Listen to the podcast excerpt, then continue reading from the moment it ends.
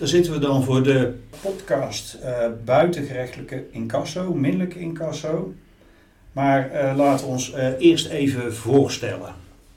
Ja, daar zitten we inderdaad, Ed. Ehm, ja, goed om ons even voor te stellen. ik ben Jeroen Snoek. Ik ben op het moment waarnemend gerechtsdeurwaarder op een kantoor in Dordrecht. En vanuit daar ehm, ja, voer ik allerlei werkzaamheden uit als, als deurwaarder. Oké. Nou, zelf was ik deurwaarder van 89 tot het najaar van 2021 in Bergen op Zoom. En toen hebben we nog uh, goed samengewerkt. Je werd uiteindelijk ook nog mijn waarnemer. Maar voor mij een reden om na zoveel jaren een punt achter het ambt te zetten. Ik ben er nog steeds wel uh, flink bij betrokken. Uh, zo zit ik in het bestuur van de Nederlandse Belangenvereniging voor Gerechtsdeurwaarders. En dat is eigenlijk ook de vereniging op wiens verzoek uh, we deze podcast maken. Uh, we hadden al uh, eerder een aflevering. Dat ging over de gerechtsdeurwaarder met zijn taak en zijn bevoegdheden. Ja.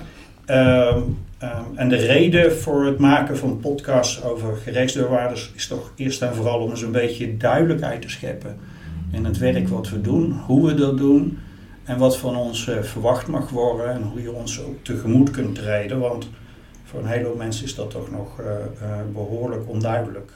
Ja, een beetje inzicht te krijgen in wat wij nou eigenlijk doen, waar ja. we mee te maken hebben. Ja, dus, dat het allemaal niet zo spannend en zo ernstig is als veel mensen wel denken. Nee. Het feit dat ze uh, binnen dit traject, incasso-traject, een, deur, een brief krijgen van een deurwaarder, doet al meteen veronderstellen, ja, een deurwaarder wordt geassocieerd met beslaglegging. En hoe kan, dat, hoe kan die nou al op het toneel verschijnen? Terwijl we eigenlijk pas net beginnen met uh, de vordering, met de incasso van de vordering. Ja, ja, ja. Nou hoor ik je al inderdaad een paar kreten noemen. Misschien is het goed om, uh, om even wat, uh, ja. wat algemene kreten door te nemen. Die wij zo nu en dan, ja, die voor ons normaal zijn, hè, vakjargon. Ja. Um, maar voor een ander toch wat minder duidelijk zijn. Het, wel vaker gehoord, het, het woordje crediteuren, debiteuren. Dat heeft bij ons ja, uh, uh, zeker, daar komen we vaak, vaak zat tegen. De crediteuren, hè, de, de schuldeisers, de mensen die ja, nog wat te goed hebben van de debiteuren, hè, de schuldenaar. Iemand die nog iets moet betalen, prestatie moet verrichten of geld moet betalen. Ja. Dus twee partijen, crediteur, debiteur, oftewel schuldeiser en schuldenaar. Ja. Dan hebben we nog de hoofdsom. Voor ons ook een standaard begrip. Ja, ja, de hoofdsom, waar, uh, waar draait het eigenlijk om? Hè? Ja, bedrag, bedrag van de factuur. Ja. ja datgene wat uh, de crediteur graag geïncasseerd uh, wil zien. Ehm, en dan hebben we ook nog de wet incassokosten, maar daar komen we zo meteen nog wel even op terug. Oké, okay, wie doen er allemaal incasso? Ja. nou, de, de, de advocatuur, hè, de advocaten. Volgens mij hebben die ook een vereniging. Vereniging van incasso-advocaten. Ja. Ja, dat klopt. Uh, nou, vanzelfsprekend de gerechtsdeurwaarder. Uh, in de wet staat dat hij nevenwerkzaamheden mag verrichten en incasso uh, is er daar één van. En tenslotte de incassobureaus, die zijn er natuurlijk ook maar genoeg. Op dit moment hebben ze geen vestigingsvereisten, geen diploma's, plaatje op de muur. En je kunt beginnen met je incassowerk. Uh, maar dat gaat dus uh, uh, toch wel binnenkort, op enige termijn, gaat dat veranderen. Want medio 2024 staat de incassowet klaar om ingevoerd te worden. en in die incassowet is geregeld dat er een register is. En je moet in dat register geregistreerd staan, wil je überhaupt incassowerk mogen doen. Ja, goed initiatief als je het mij vraagt. Absoluut, absoluut. En dan um, kom je pas in dat register als je aan verschillende opleidingsvereisten en kwaliteitsvereisten voldoet. Uh, dus dan is er meer toezicht uh, nou, op, op het doen van incassowerk. Dus dat wordt zeker een verbetering. Ja. Oké, okay, dan hebben we een incasso. Hoe gaat dat beginnen? Ja, goede vraag. Wat gaat er inderdaad allemaal aan vooraf voordat je ja, daadwerkelijk in, kan gaan incasseren? Nou, Uh, ja, het begint uiteraard met een overeenkomst. Partijen hè, moeten iets zijn overeengekomen om de uh, prestatie te verrichten en daar dan uh, geld voor te betalen. Nou, daar worden dan facturen voor gestuurd en ja, die blijven onbetaald. Ja.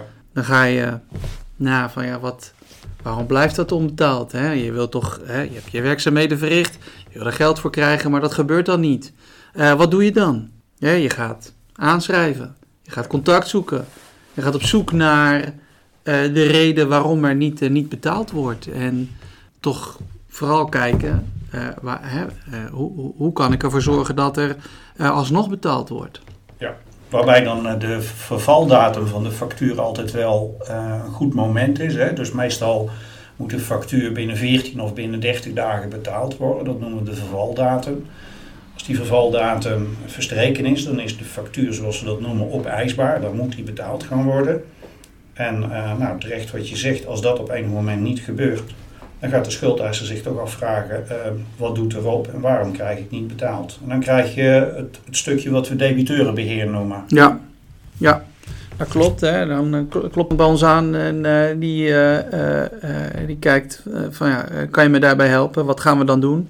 Ja, maar dit, dit is nog even het stukje daarvoor. Hè. Debiteurenbeheer is dat eerst nog de schuldeiser zelf wat vriendelijke herinneringen stuurt. Ehm, van God, u heeft nog niet betaald. Nou, we kennen die allemaal wel. Ja. en, en, mocht u wel betaald hebben, dan wilt u dan deze brief als niet gezond beschouwen.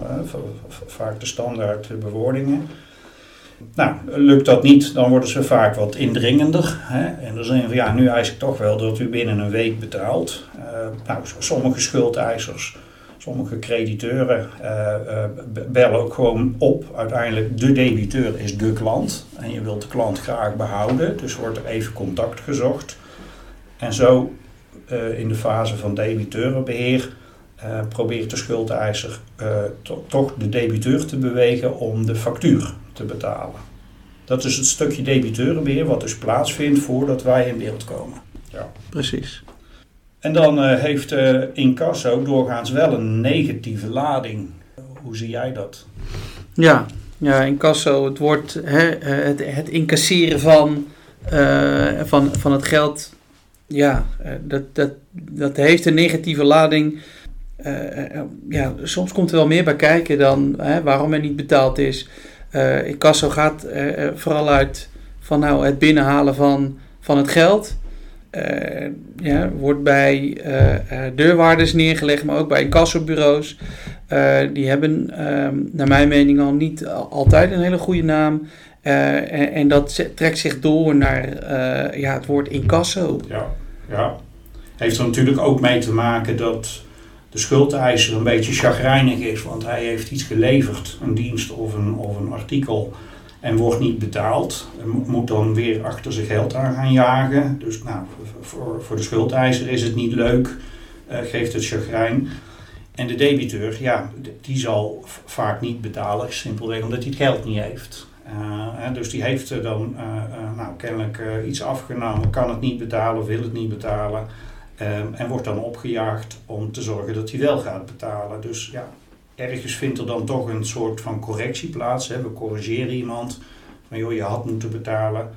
En ja, dat aandringen uh, op betalen mensen die nou, financieel al een beetje krap zitten, dat valt dan soms niet in goede aarde. Oké. Nee, terecht wat je zegt, ja, inderdaad. Ja. Nou, van wie krijgen we dan uh, als deurwaarder uh, incasso-opdrachten? dat is dus van die crediteur, CQ schuldeiser. Ja, voorbeelden genoeg. Er wordt vaak gedacht aan de postorderbedrijven, uh, maar het kan iedereen zijn. Het kan de slager zijn voor een barbecue-schotel, het kan een bruidsfotograaf zijn voor een reportage. Uh, iedereen die maar uh, deelneemt aan het economisch verkeer en uh, op enig moment een factuur heeft gestuurd, of een vordering heeft anderszins, ja, die, die is schuldeiser en kan zomaar onze opdrachtgever worden. En daar zitten dus ook uh, mensen bij met alimentatieachterstand of denk aan uh, geld wat je hebt uitgeleend aan familie of vrienden die niet terugbetalen. Ook in zo'n situatie komen wij in beeld. dan zijn ze altijd wel benieuwd van ja, de, de wederpartij, de debiteur roept dan al gauw, ja, weet u wel waar het over gaat, want u schrijft zomaar dat ik moet betalen. Uh, heeft u dat wel beoordeeld? Nou, het antwoord is natuurlijk ja. Uh, als er een factuur binnenkomt en wat correspondentie, uh, dan wordt dat beoordeeld. Zij het wel globaal. bij de overeenkomst zelf waren we vaak niet bij.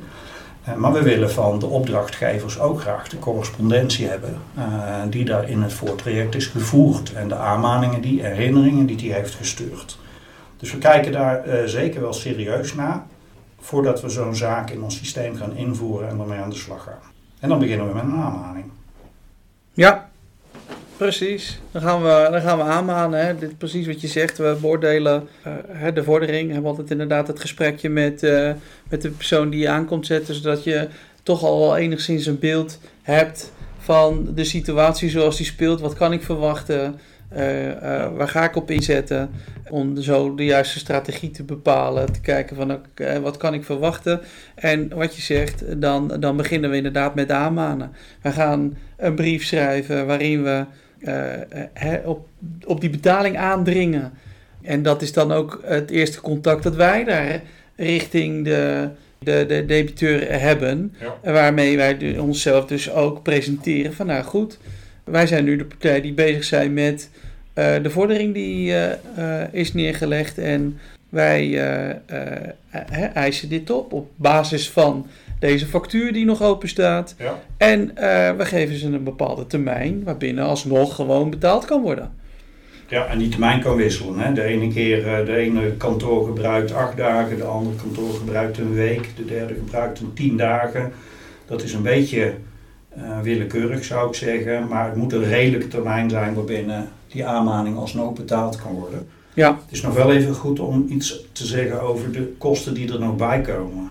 Ja, je hoort wel eens uh, de, de, uh, de incassokosten. hoe zit het nu precies? wanneer wel, wanneer niet? dat zijn natuurlijk kosten die bovenop de, de, de, de som mogen worden gerekend voor de werkzaamheden die zijn verricht ten behoeve van de incasso. En dat zijn, dat zijn wettelijke kosten die zijn, zijn vastgesteld. Hè. Je mag niet zelf denken van nou, uh, ik steek mijn vinger omhoog, uh, natte vingerwerk. Uh, laat ik er eens een leuk bedrag op doen. Nee, nee daar ga ik zo meteen nog wat over zeggen. Dan kom ik ook aan die, aan die 14 dagen brief. Ja. Nog even terug naar de aanmaning. Hoe zit het met rente? Er mag ook rente worden gerekend. En zojuist gaf ik al aan, de vervaldatum van de factuur is vaak wel een belangrijk moment. Want meestal is dat ook wel het moment waarop je begint met het berekenen van rente. Ja. Nou, dat kan uh, uh, de rente zijn waarvan een percentage in de wet is bepaald, dan is het wettelijke rente. Het kan ook overeengekomen rente zijn. En dan vinden we het vaak terug in de algemene voorwaarden van de schuldeiser. Dus in die aanmaning wordt je aangesproken voor het factuurbedrag, een beetje rente wat al verschenen is en dan de incassokosten. En terecht wat je zegt, die incassokosten die liggen wettelijk vast in een besluit incassokosten. Uh, en dat komt neer uh, op uh, 15% over de eerste 2500 euro. Daarna daalt dat tarief. Maar neem dat je een vordering hebt van 2500 euro, dan ben je dus 375 euro aan incassokosten verschuldigd. Ja. Ehm, die incassokosten mogen pas van een consument worden gevorderd nadat die consument een brief heeft gekregen met een waarschuwing dat hij binnen 14 dagen alsnog de factuur moet betalen. En met daarbij de waarschuwing dat in ons voorbeeld hij anders na die 14 dagen die 375 euro verschuldigd is. Ja. Dus er moet een 14 dagen brief, noemen we dat in de praktijk, of een WIC-brief verstuurd uh, worden met een waarschuwing, let op, uh, u bent dadelijk die en die kosten verschuldigd. Hoe zat het nou met die termijn van die 14 dagen? daar, daar was wat mee, uh, die, uh, met ontvangst en... Uh... Ja, dat is een strikvraag. Want het was binnen 15 dagen nadat deze brief bij u is bezorgd. Ja, volgens mij was het inderdaad de, de, de 14 dagen en nou goed...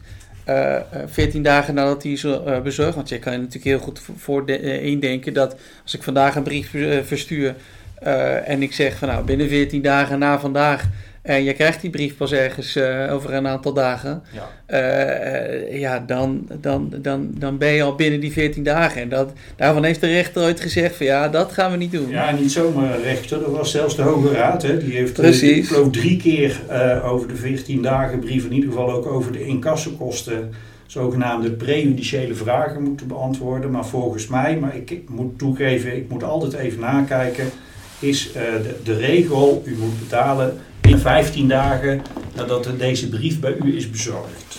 Afijn, je hoort wel, het komt nogal nauw. Simpelweg dat als niet aan alle vereisten is voldaan, dan is de consument geen incassokosten verschuldigd. Nee. Dus het gaat wel ergens over. Overigens zo'n brief met die waarschuwing voor die kosten. En daarvan adviseren we altijd aan de schuldeiser om dat zelf te doen. Zo'n brief zelf te versturen uh, in een debiteurenbeheer. In een stadium waarin hij zelf nog aanmaningen en herinneringen verstuurt. En het komt ook wel voor dat we daarvoor de teksten aan opdrachtgevers aanleveren. Maar het handigste is, is dat ze dat zelf doen. Want als wij het doen en er wordt vervolgens betaald ja, dan komen de incassokosten, in dit geval het voorbeeld 375 euro voor rekening van de opdrachtgever. En dat vindt hij ook nooit leuk. Nee. nee. En, en dan, uh, en dan uh, de gewetensvraag, Jeroen. Staat de gerechtsdeurwaarder ervoor in dat de vordering altijd correct en terecht is, zoals ons wel eens wordt gevraagd? Uh, ja, goede vraag. Vooral het woordje terecht, hè? Correct, ja. dan kunnen we nog wel beoordelen, maar of je terecht is. Ja, ja. sta ik daarvoor in? Ja, nee. Nee. En, en, hoezo? Kijk, op het moment dat een crediteur mijn kant op komt en zegt van nou, ik heb een factuur en die wordt niet betaald, hè, dan vragen wij, zoals we eerder hebben aangegeven, dan kijken wij, beoordelen we die, die vorderingen naar wat er ligt. Maar je krijgt in dat stadium krijg je één kant van het verhaal te horen. Dat en uh, dat is natuurlijk lastig uh, beoordelen of dat dan terecht is. Tuurlijk kijken wij, hè, komt het ons logisch voor, ehm, maar um, ja, uiteindelijk moet je het doen met dat wat je wordt verteld, ook door je opdrachtgever, crediteur. En krijg je dat vervolgens op het moment dat je je presenteert als zijnde incassopartner richting de, de debiteur uh, krijg je ook de andere kant van het verhaal eh, te horen. Ja. En dan kan je je een beter beeld vormen van, nou, uh, klopt het? Is, het? is het dan terecht? Ja. En soms voelt het niet terecht, zeker voor een debiteur, maar is het wel terecht? En dat zijn wel twee verschillende dingen. Ja, komt heel gauw over omdat een deurwaarder een aanmaning stuurt en eist dat je binnen 10 dagen een x bedrag betaalt, alsof, alsof daar geen verweer tegen mogelijk is, alsof het allemaal wel klopt. Maar het hoeft natuurlijk helemaal niet. Hè. Als het om de reparatie van een auto gaat, kan er zomaar een enorme discussie gaande zijn dat de reparatie niet goed is uitgevoerd. En de garagehouder ons doodleuk toch de, de factuur laat incasseren. Ehm, dus ja, daar komen we wel voor te staan. En daar komen we zo meteen nog even op. Het bevestigt nog maar eens even dat nou, per definitie van onze brieven uh, niet teruggedeinst moet worden. Als het niet klopt, laat het vooral weten. Pak de telefoon uh, en, en, maak kenbaar wat er niet klopt. Ja, en dat, in dat kader heb ik misschien ook nog wel een leuk, leuk voorbeeld te, te noemen. In het kader van nou ja, correct en terecht, dat dat twee verschillende dingen zijn. Hè? Als je het hebt dan over de garagehouder die uh, reparatie heeft uitgevoerd aan een auto. Mm -hmm. En dat vervolgens correct heeft gedaan. Maar daarna schade heeft gemaakt aan je auto. Ja. vervolgens wel betaling vraagt van de factuur, simpelweg omdat die werkzaamheden heeft verricht. Uh, dan kan het natuurlijk als debiteur eh, ja, eigenlijk niet terecht voelen. Ja. Simpelweg uh, omdat hij ook schade heeft gemaakt aan je auto. Ja. Kijk, de, de vordering is correct. En misschien ook terecht, maar dat voelt anders. En aan de andere kant zou je dan ook denken van ja goed, dat kan misschien tegen elkaar worden weggestreept. Daar zie je wel een, een, een groot verschil in o, o, o, ja, correct, terecht en het gevoel of het echt terecht is. Ja, absoluut, absoluut. Ja, in zo'n geval zou je als debiteur een beroep kunnen doen op verrekening. Ik wil eh, de, mijn reparatiekosten verrekenen met de schade die aan de auto uh, is toegebracht. Ja. Oké, ja, en, en dan um, dat is dan ook wel een beetje een gewetensvraag. Wat doe je nou als, uh, als jij ziet dat de vordering is verjaagd? Hè? We kennen allemaal, er zijn verschillende verjaringstermijnen in de weg. Dat wil zeggen dat, neem de bekendste, die is vijf jaar dat als je niet binnen vijf jaar bent aangesproken op uh, de betaling van de factuur, uh, uh, dan hoef je die factuur ook niet meer te betalen, want die is dan verjaard. Ja. Ehm, nou, dat komen we natuurlijk wel eens tegen, hè, dat we zien dat een vordering is verjaard. Ja. Ehm, en nou was de vraag, staan wij ervoor in dat de vordering correct en terecht is? En nou krijg jij een vordering die verjaagd is. Ja, En ja, dan weet ik, hè, dan is er op dit moment uh, soms wel discussie over hoe ga je met dat soort vorderingen om. En er zijn ook wel mensen die vinden dat je zo'n vordering niet in behandeling mag nemen. Nee.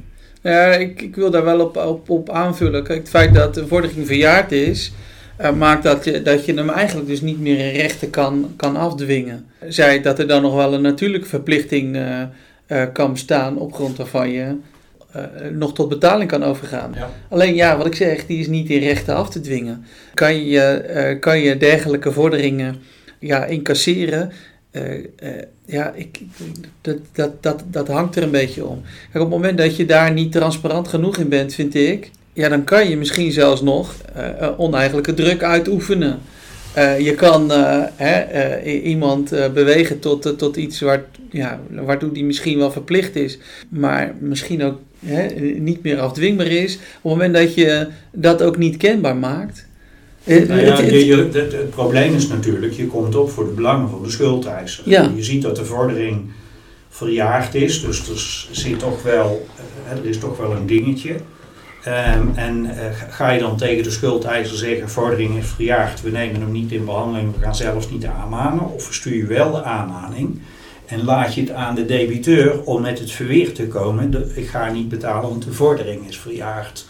Binnen de, die context speelt zich nu die discussie af. En nou, degene die het meest op de paus lijken, die roepen, je mag er überhaupt zelfs niet eens een aanmaning voor versturen, maar zelf heb ik er altijd deze, dit antwoord op, dat ook de rechter niet ambtshalve de verjaring onderzoekt. Je moet er ook bij de rechter, hè, als je eenmaal bij de rechter komt, bij de kantonrechter is dat dan meestal, uh, en er is sprake van verjaring, dan moet je er een expliciet beroep op doen. De kantonrechter zal niet uit zichzelf, ook als je het ziet, niet uit zichzelf aanvoeren. Ik wijs deze vordering af, want hij is verjaagd. Nou, als de kantonrechter dat al niet hoeft te doen, waarom zou ik het dan in het voortraject wel moeten doen? Ja, nou ja, terecht, daar ben ik het op zich wel mee eens. In die zin, er zijn zoveel elementen die komen kijken, er zijn zoveel termijnen die, ja. uh, die bij die verjaring komen kijken. En, en wij eigenlijk ook niet op de stoel van de rechter moeten gaan zitten. Hè? Het recht dat je zegt van ja goed, je zal er een beroep op moeten doen. Pas dan zal de rechter zich daar, daarover uitlaten. Ja, waarom zouden wij op die stoel dan, dan moeten gaan zitten? Uh, het maakt me overigens altijd wel terughoudend in het advies aan de schuldeiser van we gaan voor deze verjaarde uh, factuur gaan we dagvaarden.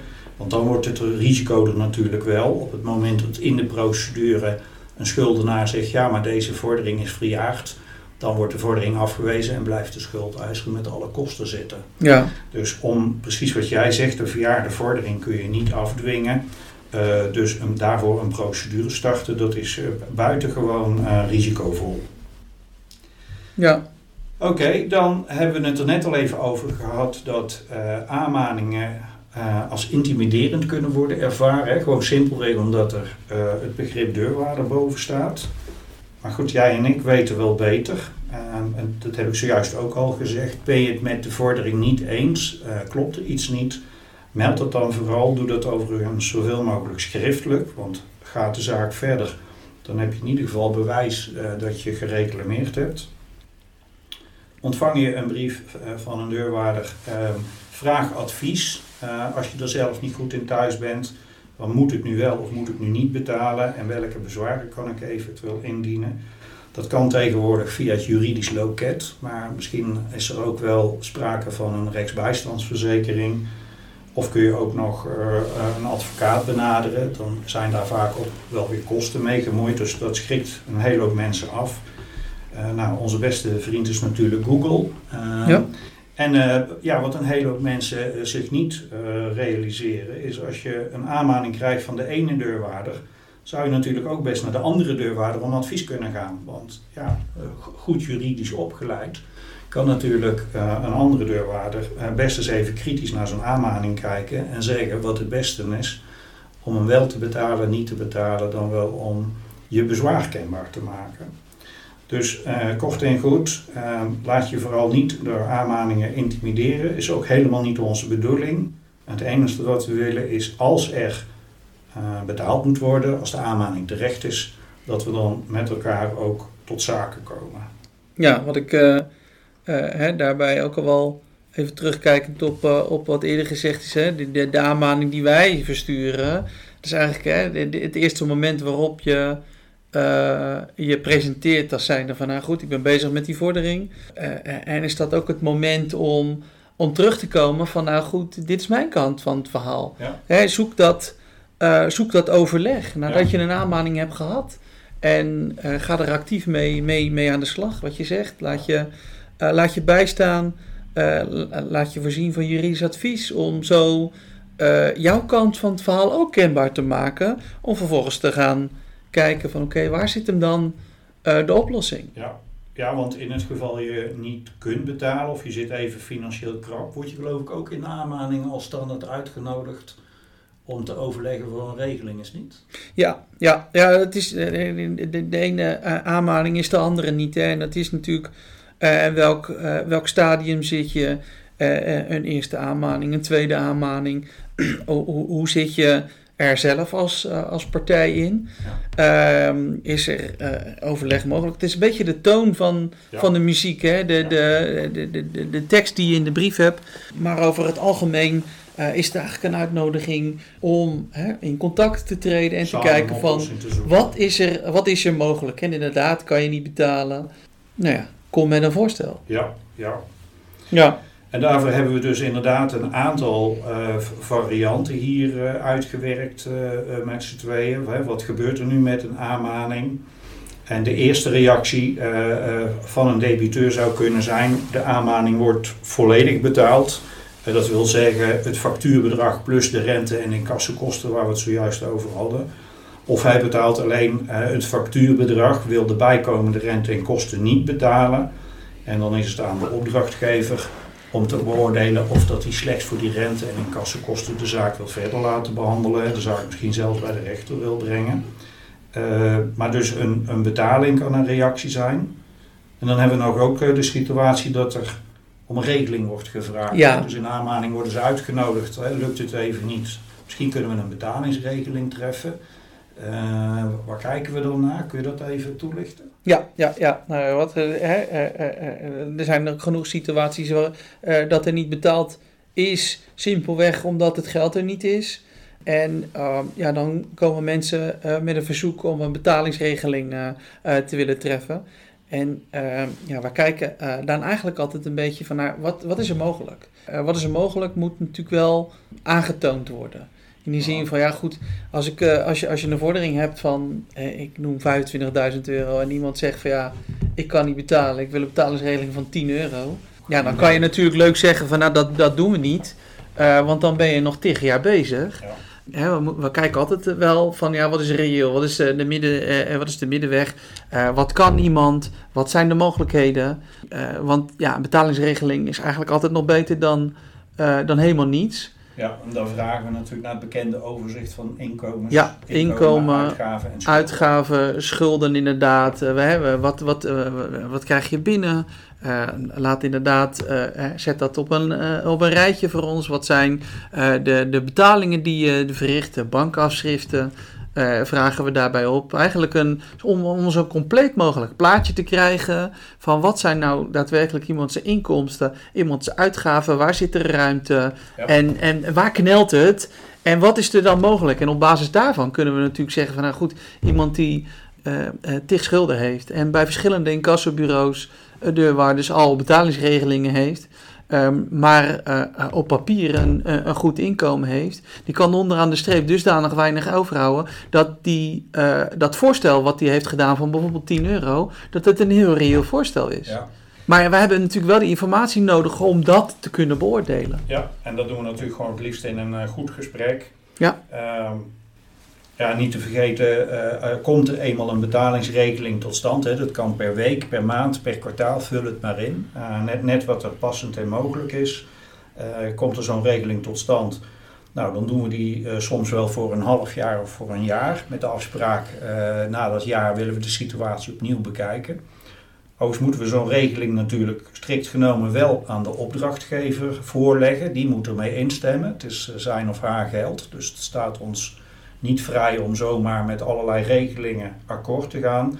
Alhoewel in de praktijk opdrachtgevers er vaak gewoon op vertrouwen dat wij de, de regelingen treffen die haalbaar zijn en het niet zo heel veel zin heeft om uh, te vinden uh, dat het allemaal te lang duurt. Want ja, anders dan zouden wij er al niet meer hebben ingestemd. Nee, nou ja, daar, in, in, dat kader heb ik misschien nog wel een gewetensvraag voor je, Ed. Um, wat nou op het moment dat jij in een situatie terechtkomt waarbij je hè, overzicht van... De, de, iemand, een, een debiteur doet netjes overzicht van uh, al zijn betalingsverplichtingen... doet een reëel voorstel. Maar de, de crediteur, vol in de emoties, die zegt: ja, onder geen beding dat ik akkoord ga met, met die regeling. Terwijl jij eigenlijk op basis van de stukken beoordeelt van ja, dit is wat het is en anders krijg je geen betalingsregeling. Ja, dat is natuurlijk altijd een beetje lastig, een beetje afhankelijk van het geval. Ehm, ik kijk altijd maar zo, wat is voor de schuldeiser het alternatief? Hoe kan hij uh, vooral sneller aan zijn geld komen? Nou, als het er niet is, omdat dat is aangetoond, dan kun je wel zeggen, ja, we gaan verder. Hè. We gaan de zaak bij de rechter voorleggen. We gaan een vonnis halen en we gaan kijken of we door beslag kunnen afdwingen. Maar dan komen er heel veel kosten bij. Dat gaat heel lang duren. En dat is wat ik een opdrachtgever, schuldeiser, voorhoud. dus kijk het nu eerst even aan. Uh, hè, laten we een half jaar aanzien uh, of hij zich aan zijn uh, afspraken houdt. Dan heeft u in dat half jaar al een stukje afbetaald gekregen. Dan bent u ook uit de kosten en uit het kostenrisico. En dan gaan we van daaruit verder. Maar goed, ja, als een opdrachtgever zegt, dat is een mooie praat, maar ik ga er niet mee akkoord. Ja, ik wil hebben dat u verder gaat. Ja, dan wijzen we de regeling af, het voorstel af. En dan is de volgende stap uh, uh, in dit geval dagvaarden. Ja, aan de andere kant mag een crediteur natuurlijk wel vertrouwen op een professionele partij. Hè? Ja, daar, uh, dat die, Daarvoor neemt hij ons in de arm. En, en nou, daarvoor hebben we dan denk ik door de jaren hè, ook kennis en ervaring opgebouwd. Ja. Um, maar nou, we hebben natuurlijk ook heel vaak de situatie dat er gewoon geen reactie komt op onze eerste aanmaning. Nou, dan versturen we nog een tweede. Uh, en we zoeken telefonisch contact. Dat doen we overigens ook uh, in de avonturen of zelfs op zaterdag. Dat wordt niet altijd in dank afgenomen, maar we proberen dan toch echt met die debiteur in uh, contact te komen om te horen wat er speelt. In een enkel geval, als we dat hebben afgesproken met de opdrachtgevers, gaan we zelfs op huisbezoek. Dan worden mensen gewoon thuis bezocht om te kijken of dat gesprek op gang kan komen en of we misschien alsnog een regeling kunnen treffen. Uh, en dan uh, nou, lukt dat allemaal niet, uh, wordt er niet betaald, komt er geen regeling, dan hebben we de keus of om de crediteur te laten weten, eh, boek het maar oninbaar af, het bedrag is te laag, de risico's zijn te groot, de schulden bij de debiteur zijn te groot, het wordt gewoon een gebed zonder eind, dus boek het maar oninbaar af. Of in het andere geval, ja, we kunnen de zaak voorleggen aan de kantonrechter en kijken of we een vonnis krijgen waarna we betaling kunnen afdwingen. Ja. Dat is overigens iets uh, waar, uh, wat we in de volgende aflevering van deze podcast uh, gaan doornemen. Ja, we hebben nog wel één dingetje die. Hè, je gaat dan inderdaad op huisbezoek en dan komt er uiteindelijk alsnog een reactie van de debiteur waarin die eigenlijk de hele vordering betwist of een geschil heeft. Ja. Nou, dat, dat kan natuurlijk ook. Op zich kan dat. Hè. De, de, niet reageren in de eerste instantie wil niet zeggen dat hij zijn recht op verweer verspeelt. Dus soms druppelt zo'n verweer ook later binnen. Geen probleem. Maar ja, het beste advies is altijd. Maak de envelop open en reageer. een reactie, ik kan het niet betalen, is een betere reactie dan helemaal niet reageren. Want wat we niet weten, daar kunnen we ook niet mee verder. Daar kunnen we ook de opdrachtgever niet over adviseren. Als we niks horen, dan ja, meestal dendert de trein dan gewoon door. En dan betekent het dat er ook gewoon kosten gemaakt worden. Ja, ja en zoals je zegt inderdaad, dan kan het leiden tot dat de deurwaarder inderdaad op de stoep staat met, uh, uh, met de dagvaarding. Maar, en dan gaat het volgende traject, met gaat... zijn proceskosten, inwerking, doen we van tevoren nog, kijken we dan overigens nog wel naar het digitaal beslagregister of er al sprake is van uh, andere, uh, met name loonbeslagen, beslagen op loon en uitkering. Maar dan zitten we echt al wel in de volgende fase. Nee, dit is wel een beetje het einde van het incasso-stadium, buitengerechtelijk incasso-stadium. met buitengerechtelijk wordt dus bedoeld nog voordat we naar de rechter gaan. Ehm, soms uh, duurt het een week omdat er betaald wordt, soms duurt het uh, drie jaar omdat er geregeld wordt. En alles wat ertussen zit ehm, maakt het tegelijkertijd ook ehm, heel interessant. Uh, met name de verschillende soorten vorderingen die, die we te verwerken krijgen. Ja, en de ene incasso is de andere niet. Hè? Iedere situatie is aan zich. En, dat maakt het wel leuk. Mooi gesproken. Ja. We ronden hem hiermee af. En uh, de volgende aflevering zal dus gaan over de gerechtelijke procedure. En die begint met een dagvaarding, maar daarover de volgende keer meer.